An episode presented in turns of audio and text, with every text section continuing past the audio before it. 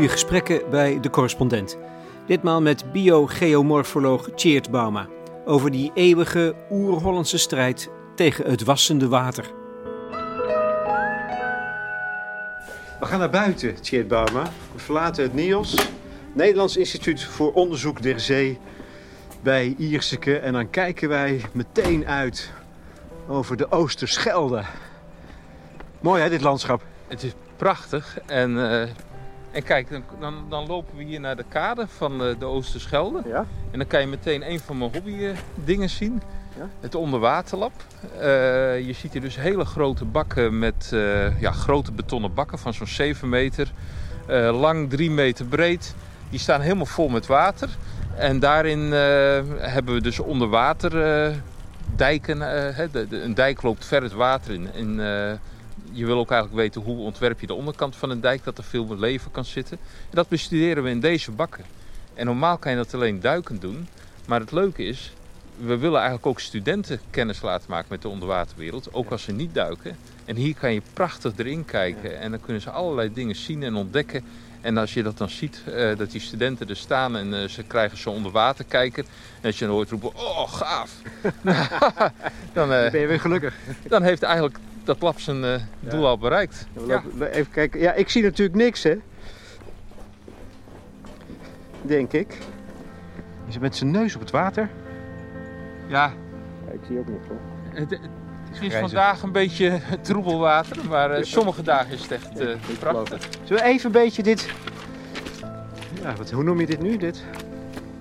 Kijk. Dit is een getijdenplaat. Getijdenplaat. Of een slik. Een slik.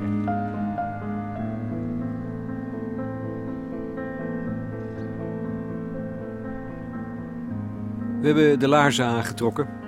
In onze rug dat eerbiedwaardige onderzoekscentrum NIOS. Daarvoor tegen het taluut de bemoste bakken van het onderwaterlab. Voor Tjeerd Bauma, bioloog, nou ja, misschien wel net zo aantrekkelijk als een exotische vakantiebestemming. Ik zou je vertellen, ik, als ecoloog kom ik op de mooiste plekken ter wereld en de meest verschrikkelijke plekken ter wereld. Want je komt op plekken waar uh, ze ecologen nodig hebben omdat ze denken, god het is hier zo verknoeid.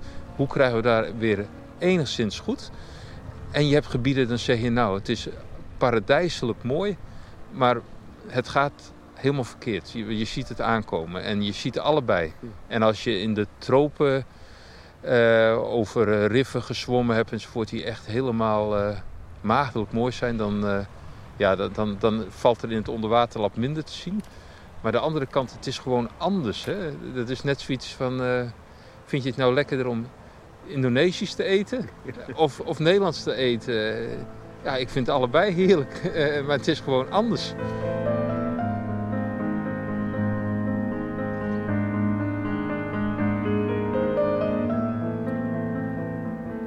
Bauma werkt ook in Nederland op verschillende plekken. In november hield hij zijn oratie aan de Universiteit van Utrecht over zijn buitengewoon gespecialiseerde onderzoek. Hoe kun je de natuurlijke processen die zich afspelen in de zoutwatermoerassen vlak voor onze dijken inzetten voor bescherming van de kust? Een prachtig samenspel van verschillende factoren. Waar wij nu staan, met onze poten in het slik aan de oever van de Oosterschelde, is daarvan zo op het oog weinig te zien. Er hangt een fijne, zilte geur.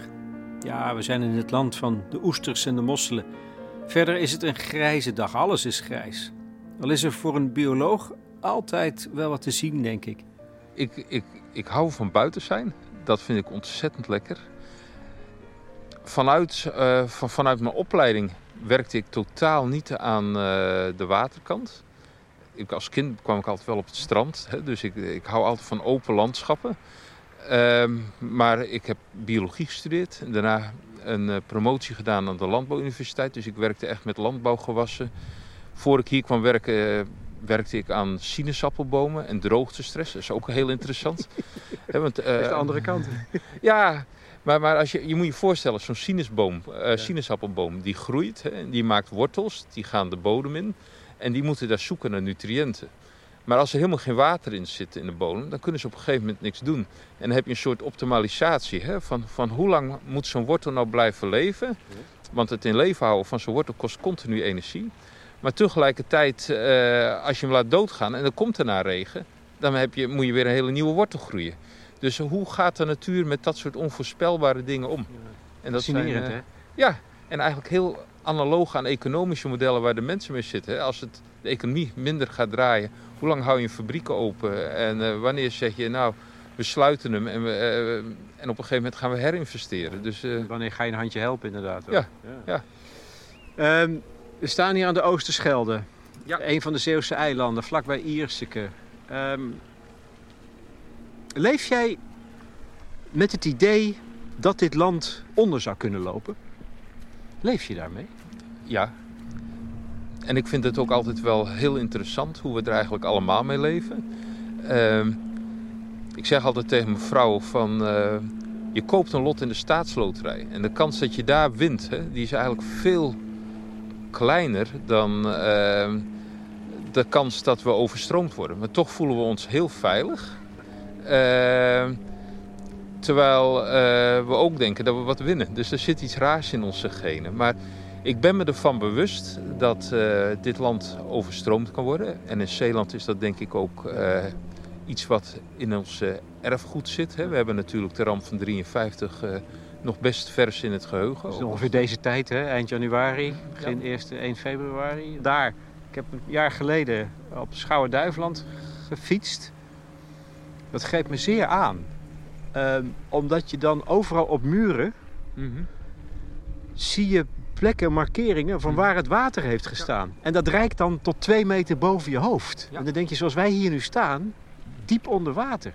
Dat is heel aangrijpend en dat leeft bij een heleboel mensen hier nog. Dat klopt. En het is natuurlijk ook iets waar we heel bewust van moeten zijn. Want het is iets wat uh, in de komende jaren een groter gevaar gaat worden met zeespiegelstijging. Maar ondanks dat hè, weet ik ook uh, hoe hoog de dijken waren in 53, hoe hoog ze nu zijn. Dus ik weet dat de kans bestaat, maar ik leef hier wel heel happy. Ja, toch wel. Je bent niet Ja. bang of zo? Nee. In die zin niet met, met dat je leeft met dat idee dat dit land ook weer kan onderlopen. Ik, ik maak me er geen zorgen over. Maar ik heb wel gekeken op de website overstroomt.nl. En ik weet dat als eh, we onderlopen, dat ik gewoon naar zolder moet. Op de derde verdieping ben ik eh, veilig. Maar dat betekent wel dat die twee verdiepingen daaronder zijn afgeschreven. Ja, Ja, nou ja. beter kan ik het niet maken. Nee. Maar ja, je staat er wel bij te lachen. Ja, de kans is niet zo groot. Hè? Maar eh, afhankelijk waar je in Nederland woont, is geloof ik die kans eh, met een storm van 1 op de 10.000 jaar of 1 op de 4.000 jaar. Maar een 1 op 4.000 jaar zegt niet dat, die, hè, dat het 4.000 jaar Ja. eh, duurt voordat die storm hier is. Het betekent hij kan er ook nu komen. En maar gemiddeld gezien komt hij eens per 4.000 of eens per 10.000 jaar voor. Dus het kan elke dag eh, kan het een keer gebeuren. En Tjeerd is, ehm, even voor de duidelijkheid, eh, zeespiegel stijgt. Een feit? Ja. Ja, daar kan ik niet veel meer aan toevoegen. Ja. Ja, nee, het hij stijgt en dat is een feit. Het is wel heel complex. Oh. Eh, oh, dat- nou, ik zak nu in een poeletje. Ja, dat is een andere manier van stijgen. ja. Nee, zeespiegel stijgt. Ik heb een collega, Mees Slangen hier, die heeft ook meegeschreven aan het rapport eh, wat er weer over is verschenen. En eh, ja, het is een stijging van zo, momenteel zo'n 3 mm per jaar. En de zorg is dat die stijging gaat versnellen. Hoeveel die gaat versnellen, dat weten we niet. We weten dat die gaat versnellen. Maar ehm, het is heel complex om te voorspellen hoe snel die versnelling gaat zijn. Maar waar we ons op voor moeten bereiden is eigenlijk dat de zeespiegel stijgt, blijft stijgen, sneller gaat stijgen. Maar we weten niet bij 2100 hoeveel het nou precies hoger is. Maar we weten wel dat de dijken en de kustbescherming beter moet worden. Oké, dat is een tweede vraag. Houden de dijken het? Als we het op een goede manier doen, dan moeten ze het houden. Maar als je eh, die kant op gaat, dan moet je eigenlijk naar Delft. Hè. Daar zitten de echte technologen die dijken kunnen bouwen. En eh, daar werk ik wel veel mee samen, maar daar ben ik natuurlijk geen expert in. Maar ze zijn, ze zijn nu goed, maar ze moeten beter of dat hele systeem moet beter. Ehm, we, we hebben een, eh, denk ik in Nederland een uitzonderlijk goed systeem van hoe we onze kust bewaken en beschermen. Hè, en het is ook natuurlijk een heel oud systeem met de waterschappen. Wat dat betreft eh, prachtig. Hè? Je moet ook voorstellen dat, eh, ja, wel bijna duizend jaar dijken bouwen. Hè. En dat is natuurlijk veel gebeurd in die tijd. En dat systeem is steeds verder ge- verbeterd, geoptimaliseerd. Maar wat het eh, interessante is, dat je ook ziet dat juist de mensen die bezig zijn met het bouwen van dijken, hè, de aannemers en de, de onderzoekers, daar vandaan is er ook gedacht van wij moeten naar een andere manier van kustbescherming. Dus het idee bouwen met de natuur komt oorspronkelijk ook vanuit de harde sector van het bewustzijn van het moet anders. Nou ja, de ingenieurs juist. Juist, ingenieurs, bedrijven als Poscalis en Van Oort, hè, dus echt de waterbouwers. Want die zien het. Die zien het gevaar. Die zien het gevaar, maar die zien ook de kansen eh, om dingen efficiënter te maken, eh, kosteneffectiever, veiliger, door andere innovatieve man- manieren van werken te gaan gebruiken. Maar daarmee ook eh, meerwaarde te creëren. Als je bijvoorbeeld dingen met de natuur kunt doen, dan eh, kan je misschien ook recreatieve waarden eraan toevoegen of natuurwaarden.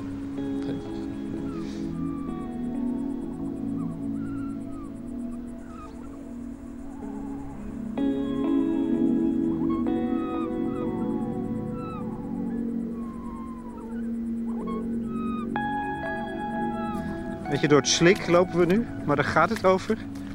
Ik hier wat schelpen van. de- Dit is ook eh, het land van de mosselman trouwens. ja, helemaal. Overal mosselbedrijven. Oh, Wow! Ja, zak- ja, ja, ja. ja. Oh god, ik zak weg. Ik zak weg. Lekker, moet je niet te lang willen Nee, oké, nee, ja. En ik wil wel even met jou wel langer blijven staan. Dat is juist het punt. Jij bent eh, biogeomorfoloog. Ja, hoeveel biogeomorfologen zijn er in de wereld? Oh, dat is een, lastige vraag. Ik, eh, Ik dacht eigenlijk, misschien ben jij wel de enige. Nee joh, dat is een snel groeiend vak. Eh, het is eigenlijk ook een mooi vak. Hè? Dit zit er ook in. Morfologie gaat eigenlijk over landschapsvormen. Hoe ont, eh, ontstaan die, hoe ontwikkelen die. En ehm, geomorfologie betekent eigenlijk het gebeurt door fysische processen. En de bio betekent, nou, de levende natuur heeft ook een effect op hoe landschappen zich vormen. En ik denk dat eigenlijk iedereen het eh, wel kent eh, uit, eh, uit Nederland. Hè. Als we naar duinen kijken, dat zijn typisch biogeomorfologische structuren.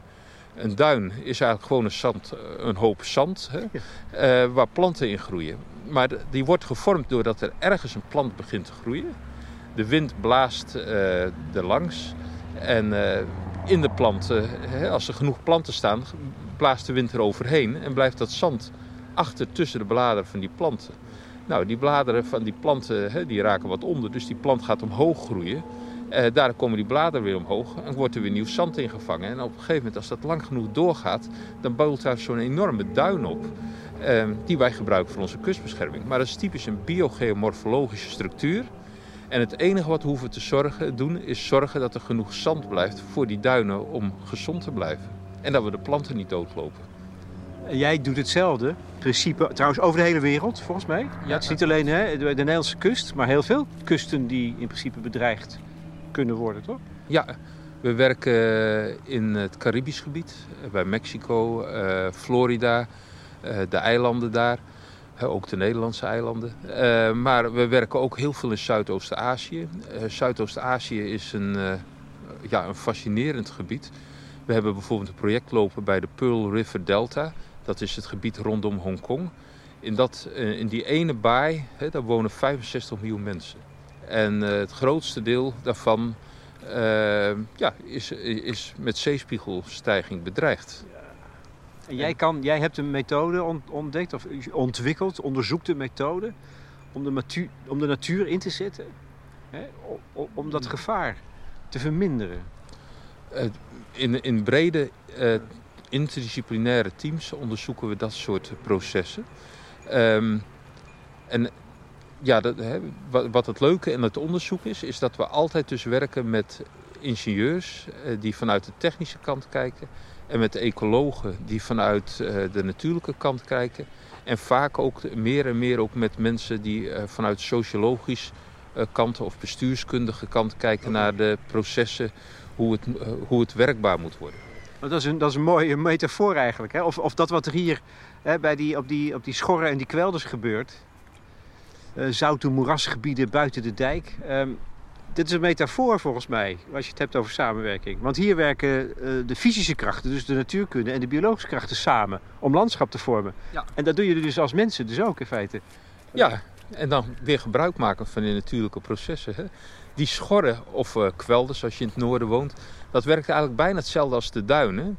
Uh, alleen, ja, het transport gebeurt door het water. Dus je hebt water waar heel veel modder in zit.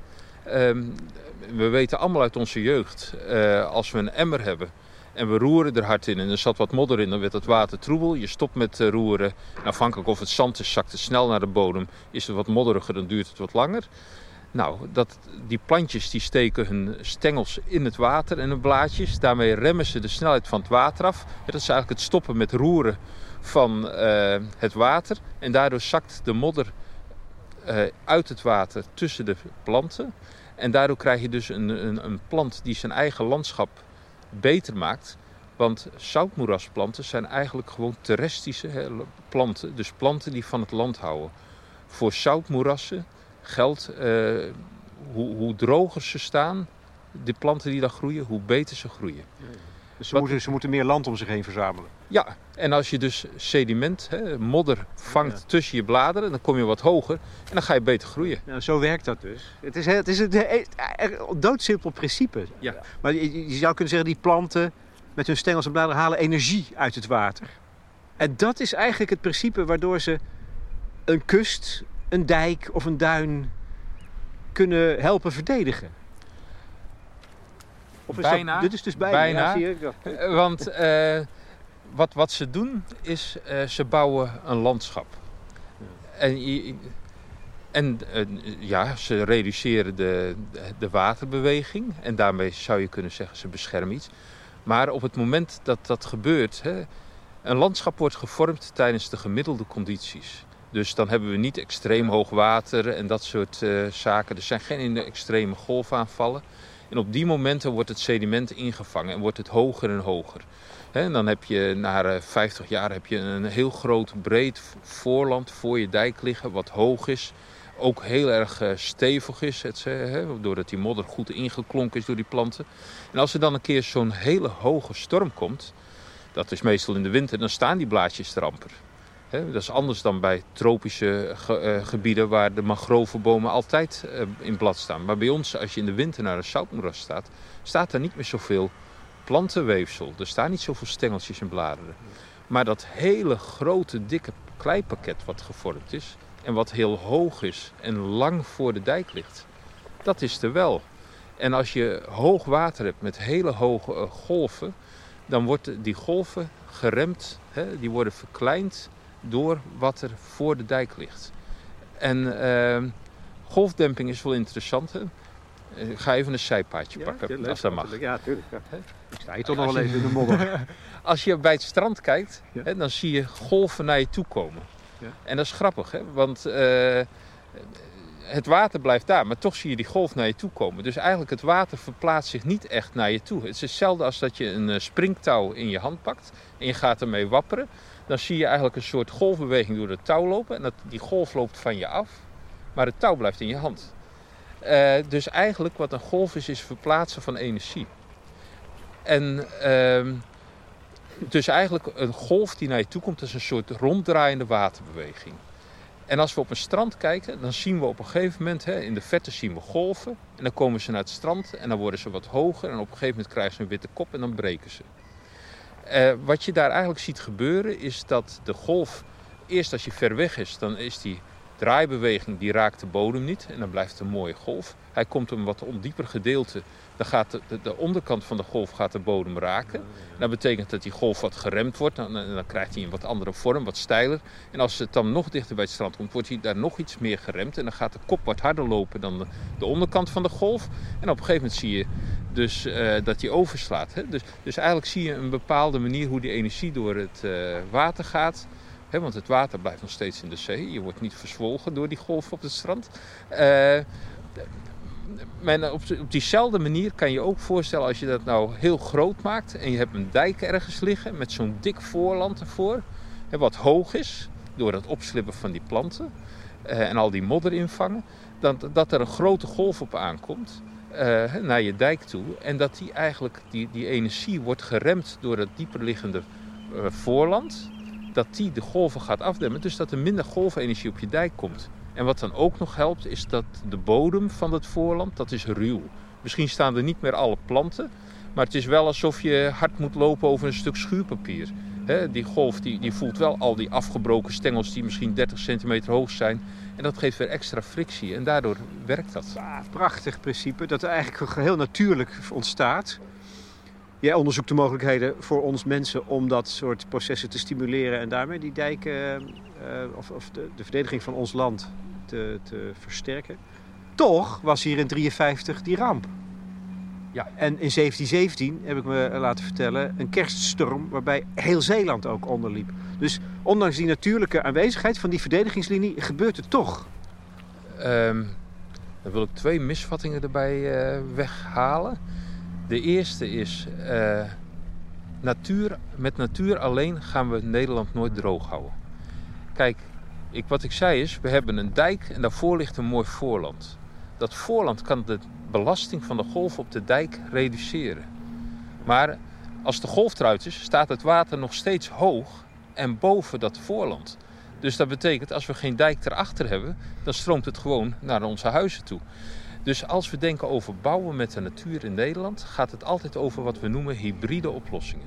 We moeten gebruik maken van een slimme combinatie van grijze infrastructuur, dus dijken, harde werken door de mensgebouwde structuren, in combinatie met ehm, natuurlijke landschappen voor die structuren. Begrijp ik, als één, ja. En, en zelfs bij onze Hollandse kust, waar het misschien zegt, nou, maar daar bij de duinen is het helemaal natuurlijk. Nee, daar is het ook niet helemaal natuurlijk. Want wij zorgen dat als mens, als Nederlander, met de zandsuppleties, dat die duinen blijven waar ze zijn. Dus, dus ook daar geldt, eh, daar is wel de, de primaire verkering is een duin, maar ook daar hebben we engineering nodig om die duinen daar te houden. En, en suppletie is dat je extra zand opspuit, toch? Zoals de, de, de, zandmotor is voor uh, Den Haag uh, gemaakt. Dus je denkt van, hé, wat zijn ze daar aan het doen? Gigantische machines die daar voortdurend maar zand opspuiten uit zee zelf. Ja. ja, precies. Dus in beide gevallen hebben we eigenlijk te maken met dat we engineering met natuur combineren. En dan terug naar het tweede punt wat je uh, wou maken. Hè? Want 53 zei je van uh, toen is het toch flink misgegaan. Uh, toen hadden we dijken met een hoogte van 1 op 100 storm. Dan moet je nagaan, hè? nu 1 op 4000, toen 1 op 100. Dus dat betekent dat je eens per 100 jaar mag je een storm verwachten die er overheen gaat. Nou, dat is best vaak 1 op 100. Dat is bijna vandaag de dag één keer in je leven. Hè? Als mensen gemiddeld ouder worden. Uh, en het tweede is, we hadden toen uh, eigenlijk ook niet overal voor de dijken voorlanden liggen. Uh, in de zin dat uh, als je kijkt naar de historie van Zeeland, dan uh, is een heel interessant proces. Als je de oude kaarten erbij pakt, hè, dan zie je eigenlijk zo'n, ja, laten we zeggen, zo'n 1500 jaar terug. Dan waren het eigenlijk, was het allemaal zoutmoerassen, allemaal van die kwelders en schorren. En de mensen woonden op de, de hoogste plekken. Uh, maar het is natuurlijk ook niet comfortabel, daar hoef ik ook niet moeilijk over te doen. Dus op een gegeven moment denkt één iemand van... Uh, misschien moeten we ons uh, gebied gaan beschermen door er een dijk te bouwen. Maar het lastig is, als wij naast elkaar wonen en het water komt de delta binnen... en jij hebt jouw hele landgoedgebied omdijkt... dan kan het water daar niet meer naartoe. Dat betekent dat water wat hoger wordt in de rest van het gebied. Dus dat betekent dat andere mensen denken: God, ik heb wat meer waterlast. En dan is het prettig om ook een dijk te bouwen. Dus in die tijd, toen ze begonnen met dijken bouwen, hè, ik denk dat zitten we zo rond zo'n 1200 of zoiets. Elke keer als iemand ergens weer een nieuw gebied ging inpolderen, werden de andere gebieden weer wat meer bedreigd. Wat je ziet is dat we dus steeds meer gingen inpolderen. En wat we ook hebben zijn gaan doen, is steeds meer naar buiten groeien. Dus als je de historische kaart van Zeeland bekijkt, zie je eerst uh, van die uh, kleine eilandjes enzovoort. En dat worden steeds grotere eilanden, hè, tot we hier nu op een schiereiland staan, met de verbinding naar uh, Brabant. en je ziet dus, het is heel erg breder geworden. En doordat je het steeds breder maakt, houden we minder ruimte over voor de natuur. Dus eigenlijk zijn we het grootste gedeelte langs onze dijken zijn we de schorren en kwelders kwijtgeraakt. Doordat we naar buiten zijn gebouwen. Als het een mooi groot uh, schor was, dan denk je ja, dat, dat is prima landbouwgrond. In de Waddenkust zien we dat nog wat duidelijker. Hè? Daar uh, heb je natuurlijk wat we noemden de landaanwinningswerken. Dus langs die hele bovenkust van de Wadden werden die kwelders, uh, die zoutmoerassen, werden af en toe weer ingepolderd. Hè. Dan we eerst een zomerdijk erbij leggen, dat het niet meer onderliep. En dan werd dat uiteindelijk een grote dijk. En er werd ook actief zoutmoerassen aangeplant met ontwateringsschultjes. werd de, de, aanslibbing gestimuleerd en de groei van die plant gestimuleerd om zoveel mogelijk land aan te winnen. Nou, in de Waddenzee hebben we gelukkig nog een heleboel over. In Zeeland hebben we natuurlijk wat minder over qua breedte en natuur.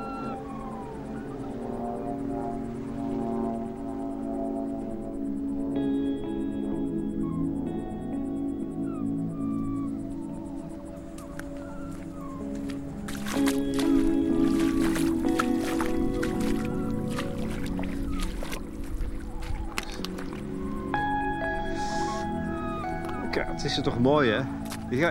Sta je hier ook wel eens gewoon te dromen? Als Eh, wetenschapper? Of heb je daar helemaal geen tijd voor? Of, of eh, is het al zo gewoon?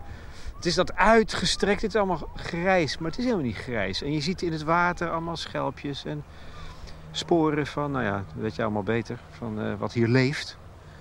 ik, ik ben heel vaak aan het genieten hier. Ja, ja nee, ik vind het prachtig. En waar geniet je dan van? Zoals nu? ja, je bent Nou, nu... het heerlijke weer en gewoon dan de wijsheid van het landschap. Het voelen van de winterelementen. Eh, wat ik ook heerlijk vind is, eh, als ik naar het onderwaterlab kijk, Ja. dan eh, denk ik, oh, ik heb mijn eigen vakantiebestemming achter huis aangelegd. Want ik kan er zulke mooie dingen in zien. Het is echt zo Ja. leuk. Je hoeft helemaal niet weg. Ben jij, ben jij ook een duiker trouwens? Ook? Of? Nee, ik ben geen Nee. duiker. Nee, het hoeft dus ook niet, want je kan hier in die betonnen bakken kijken. Ja. Ja, misschien als ik duiker was, dat ik zou zeggen, wat stelt dat nou voor? Maar nee, ik vind het heerlijk. Nou, ik, ik sta hier ondertussen, terwijl ik luister naar jouw verhaal, eh, Tjeerd. Echt ruim te genieten. Die hemelkoepel, die trouwens helemaal nu blauw is geworden in de Ja. tussentijd. Hè? Het is in, in een half uurtje is het opengewaaid. Geweldig. Aan, met onze voeten aan het water zo'n beetje. Dat kabbelt hier. Jij legt net uit dat we die natuur, die natuurlijke verdediging van ons land zijn kwijtgeraakt. Doordat we zijn gaan uitbreiden. Grote vraag is, kunnen we dat terugwinnen? Ja, en om de vraag nog iets specifieker te maken, kunnen we terugwinnen waar we het nodig hebben voor waterveiligheid. Ja. En Precies dit, daar, dus ook nog eens dezelfde plek kiezen bedoel je? Ja. ja, ja, want als we het ergens terugwinnen waar het eh, niets doet aan de kustveiligheid, dan, eh, dan heeft het nog steeds heel veel waarde als natuurgebied, recreatiegebied. Maar waar ik denk waar we naartoe moeten, is dat we echt eh, heel gericht weten waar we iets aanleggen, opdat we het kunnen gebruiken voor de veiligheid en daar tegelijkertijd ook eh, de baat van hebben van andere nevendiensten. Dat het mooi is voor toeristen die hier komen, die er kunnen genieten, dat er natuurwaarde zit. Als het genoeg opslipt, het misschien weer op een gegeven moment landbouwgebied kan worden. Dus, eh, ja. Kan het? Zijn jullie al zover? Bij, eh, we hebben de afgelopen decennia, hè, of eigenlijk het afgelopen decennium, de afgelopen tien jaar, hebben we denk ik enorme grote stappen voorwaarts gezet. Ehm, ik ben ooit begonnen aan het werken aan restauratie eh, van dit soort systemen. Ook omdat ik, eh, we, we waren al in de richting aan het gaan van dat we zagen het is goed voor waterveiligheid. Maar wat je ook ziet, eh, met name in de tropen, in de mangroven, dat er veel, eh, heel veel verloren is. Dus wat ik net beschreef over die historische evolutie in Nederland is in een bepaald opzicht extreem hoe we het land op de zee hebben gewonnen. Maar het verlies van die natuurlijke ecosystemen, dat zie je eigenlijk over de hele wereld eh, terug. Kustsystemen. Mensen wonen graag langs de kust, hebben ruimte nodig om daar te wonen, aan voedsel te komen. En dat is overal ter wereld ten koste gaan van kustecosystemen die ons kunnen beschermen. Dus deze vraag zie je over de hele wereld ontstaan. Hoe krijgen we die systemen terug? En dan eh, komen er eh, verhalen langs in tijdschriften van eh 70% van eh, onze restauratie-inspanningen mislukken. En dan denk je als, als onderzoeker van ja, er gaat veel energie en enthousiasme in zitten. En als al die mensen met dat enthousiasme dat soort projecten uitvoeren en ze zien 70% lukken, dan, uh, ja, dan gaat het enthousiasme weg. En dan, ja, dat zou ik zelf ook niet volhouden. En dan denk je van, uh, dat moet anders kunnen. En dan ga je denken van, waarom gaat dat fout? En ik denk dat uh, de stap die we toen gezet hebben is gewoon te denken van, voor je gaat restaureren moet je eigenlijk veel beter snappen hoe werkt het proces in de natuur op zichzelf, zonder dat we iets doen. Dus hoe werkt de natuurlijke uitbreiding van en vestiging van dit soort ecosystemen? En door uh, heel goed te snappen hoe die natuurlijke processen snappen, uh, werken, dan kan je daar vandaan uh, met engineeringmaatregelen die natuurlijke processen gaan faciliteren. Maar wij noemen het ook wel vaak frontier applied research. Hè. Dat betekent, het, we doen niet een toegepast onderzoek van we hebben hier op die hoek moet iets komen. Hoe krijgen we het precies op dat plekje op onze kaart gerealiseerd? Nee, wat we willen is zeggen is van hoe werkt het en hoe kan je die kennis van hoe het werkt vertalen naar uh, restauratie op grote schaal in vele gebieden in de wereld. En, en hoe ver zijn jullie dan? Zeg maar, als het om die stap gaat, dat je de inzichten die opdoet met dat fundamentele onderzoek, dat je die kunt gaan effectueren. Hoe ver zijn, je? Hoe ver zijn jullie dan? Wisselt een beetje per gebied. Uh, in de mangrove in de tropen en eh, de, de, de schor en kwelders hier. Ik denk dat we heel goed snappen hoe de vestiging natuurlijk verloopt. Sterker nog, we kunnen tijdseries en luchtfoto's kunnen we met modellen verklaren. Door, door die natuurlijke ecologische processen erin te zetten. En waar we nu op dit moment mee bezig zijn is van hoe ga je het dan opschalen? Want uh, als we hier op die paar vierkante meter waar we staan, kunnen we het doen. Ja. Uh, en we moeten daar bijvoorbeeld structuren aanleggen. En je, je, hebt net al een paar keer gezegd hoe wijd dit landschap is. Ja. Nou, het is nu prachtig. Als we overal restauratieblokjes hebben staan, dan denk je, wat doe ik in deze bak met Lego-stenen? Dus dat, dat wil je niet. Het gaat erom dat je dan uh, ook slim nadenkt van... Uh, op hoeveel punten moeten we een proces in, start, in gang zetten, waardoor het dan in de breedte verder kan uitspreiden.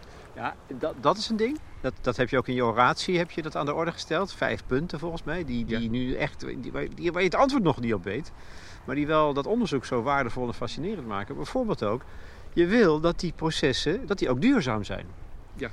En met klimaatverandering weet je helemaal nog niet wat het effect daarvan is op, op die, op die uh, ecosystemen die, uh, die je aan het ontwikkelen bent. Dus hoe, hoe kom je daarachter? Ja, Dank je voor de vraag. We hebben inderdaad een aantal stappen gezet. De eerste is, werkt uh, natuurlijke kustverdediging? En ik denk dat we daar steeds meer van overtuigd zijn. Met historische analyses, met huidige meting. Ze dragen heel veel bij, die kustecosystemen, aan de veiligheid.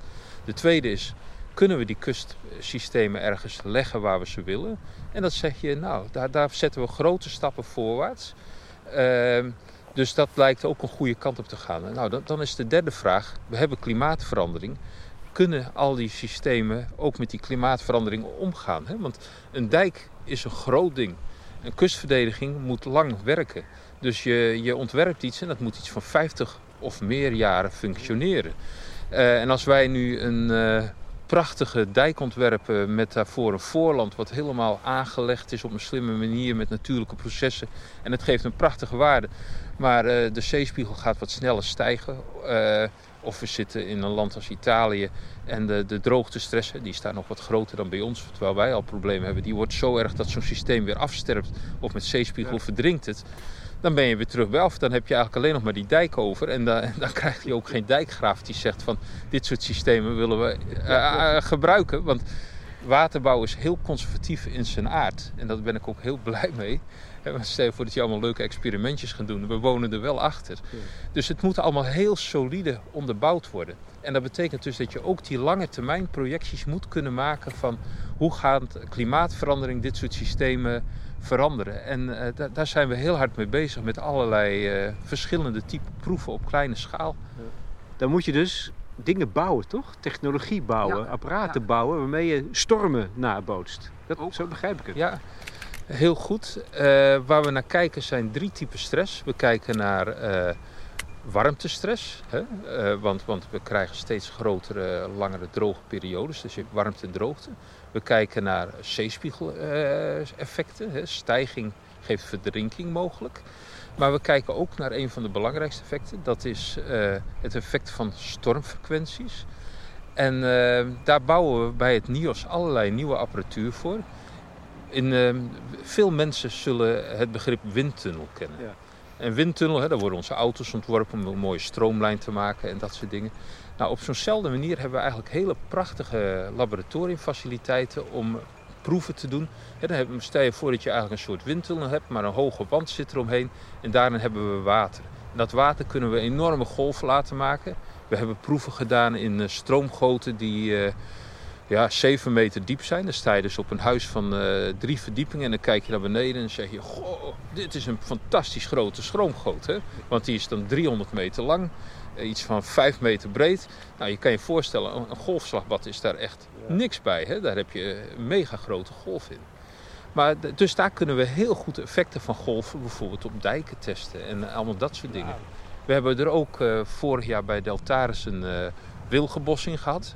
dus echt grote volwassen wilgenbomen die dan helemaal onder water gaan en de golven overheen staan. Dus dat geeft ook een beetje indruk van hoe groot dat is, die machinerie. Alleen een van de dingen die je moet doen in zo'n proef is, je moet dat ecosysteem uh, stabiliseren. En om het dan gewoon in het een makkelijk Nederlands te zeggen, dat betekent dat we die wilgen die stonden met hun voeten in een laag sediment, modder, zand.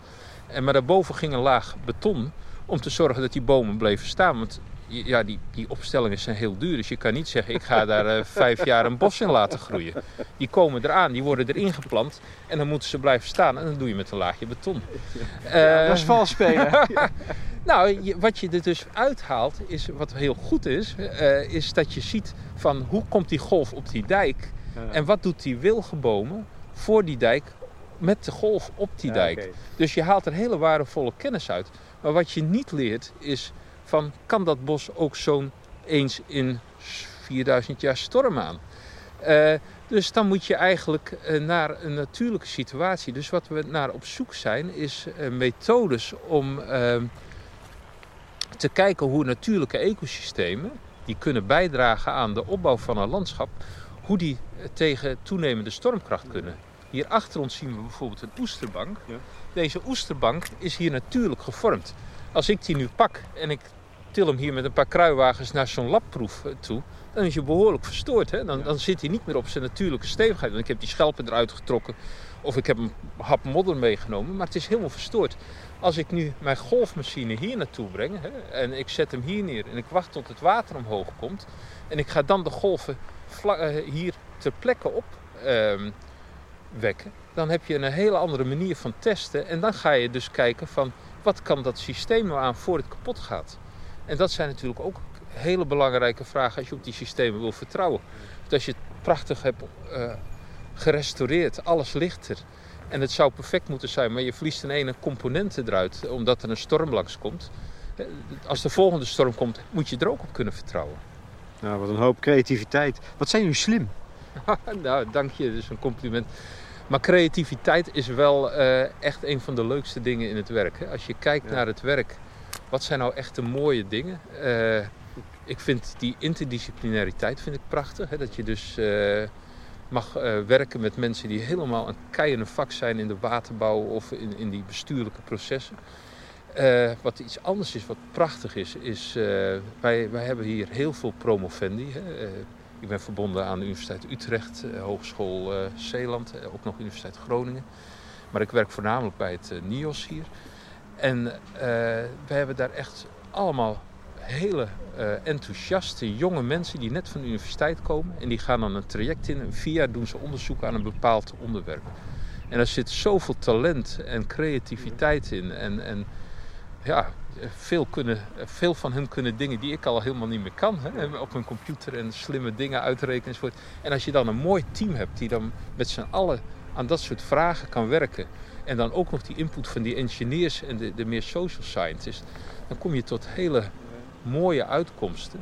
En, en hopelijk ook dat we dat dan weer hè, niet alleen zeggen van we doen hele goede wetenschap. Maar dat we door dat hebben van die interdisciplinaire teams het ook weer helemaal terug kunnen brengen naar de praktijk waar Nederland op zit te wachten. Dus bij de waterbouwend Nederland. Dus de maatschappij ja, die gaat er dan van profiteren.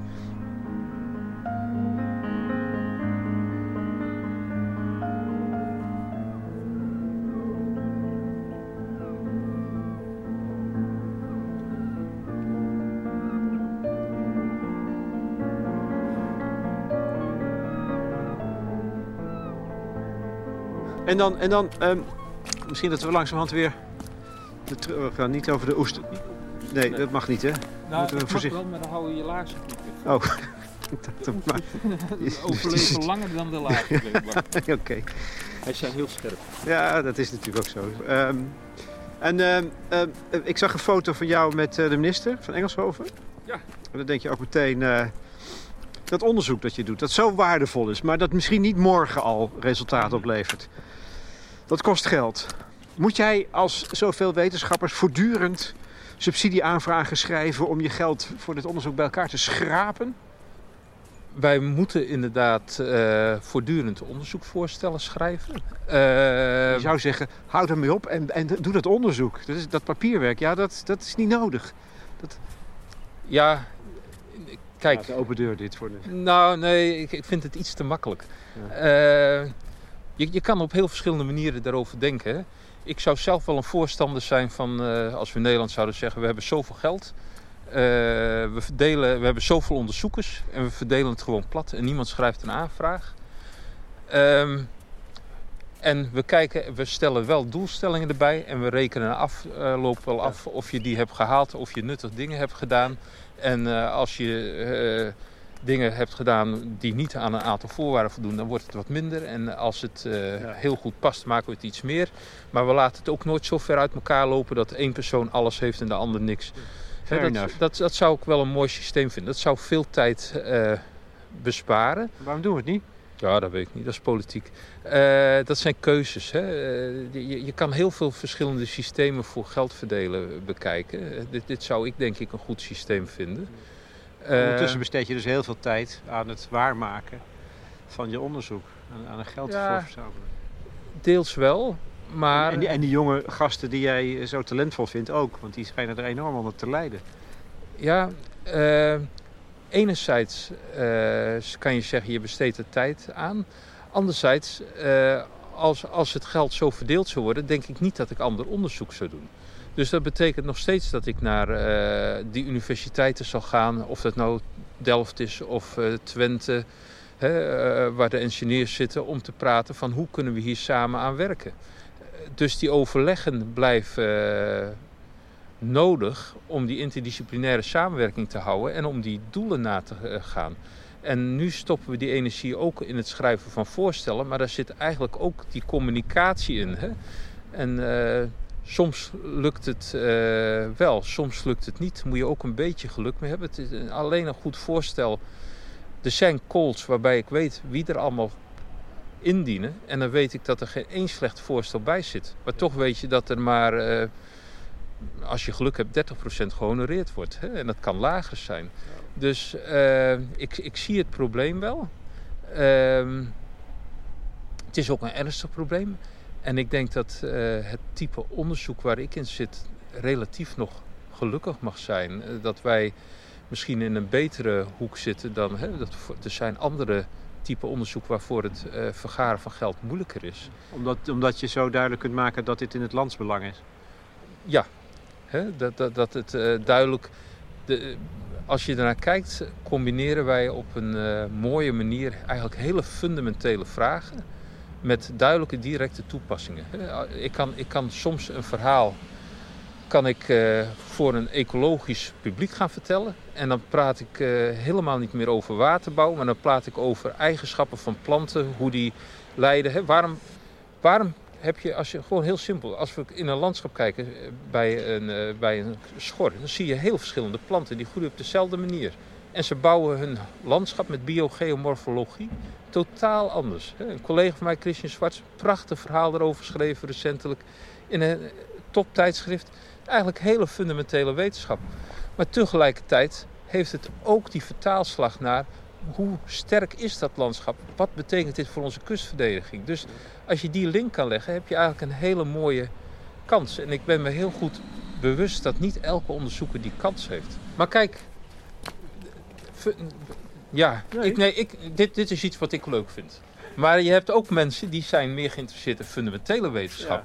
En het is een enorm risico als wij zeggen fundamentele wetenschap, ja, daar zit geen toepassing aan, dat gaan we minder doen. Want als we terugkijken in de tijd, hè, waar ons voedsel vandaan komt, is van Mendel. Eh, erfelijkheidswetten, plantenveredeling. Dat Nou, dat was super fundamenteel. Dat heeft nog een hele poos op de plank gelegen voor iemand dacht, hé, hey, daar kan ik iets mee doen. Nu gaan we naar uh, deels naar moleculaire technieken voor geneeskunde, uh, voor voedselproductie. Uh, nou, het DNA, ontdekking van het DNA, super fundamenteel. Op dat moment was er helemaal geen toepassing.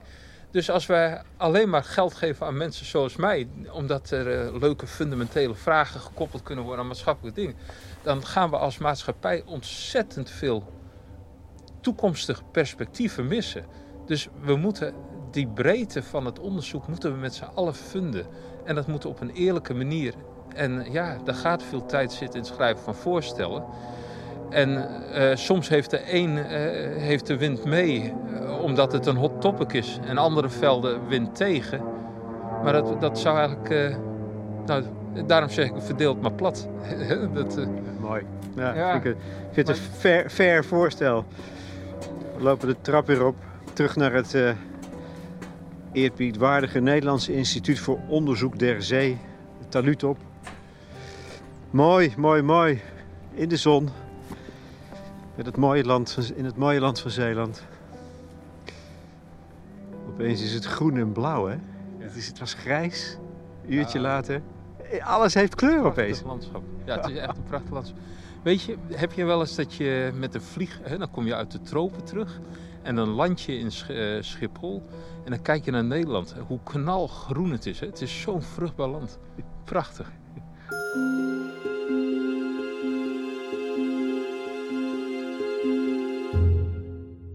Tjeerd Bauma, biogeomorfoloog, in gesprek met Lex Bolmeijer voor de correspondent. Voer voor discussie lijkt me. Nou, dat kan op ons platform, toegankelijk voor leden. Wat mij een interessant onderwerp lijkt. Die samenwerking tussen biologen, natuurkundigen en bestuurskundigen. Is dat niet een mooi fundamenteel model? En zijn er wellicht meer voorbeelden van? Tjeerd Bauma leest mee en kan indien nodig reageren. Verder moeten we natuurlijk allemaal het pamflet van Rutger Brechtman lezen. Het water komt, zijn open brief aan het Nederlandse volk. Gratis te downloaden bij de correspondent en het is vooral de bedoeling om hem zoveel mogelijk te verspreiden. En dan nog wat reclame tot slot. De volgende aflevering van mijn goede gesprekken is weer in aanwezigheid van publiek. Op zondag 16 februari ga ik om half één in de middag in gesprek met schrijver Kader Abdollah over zijn nieuwe boek Farao aan de Vliet. Het is in het Theater aan het Spui in Den Haag. Neem plaats in een van de lichtstoelen en wees getuige van het interview als theater. Er zijn nog kaarten via het Nationale Theater, zondag 16 februari half 1. Wees welkom.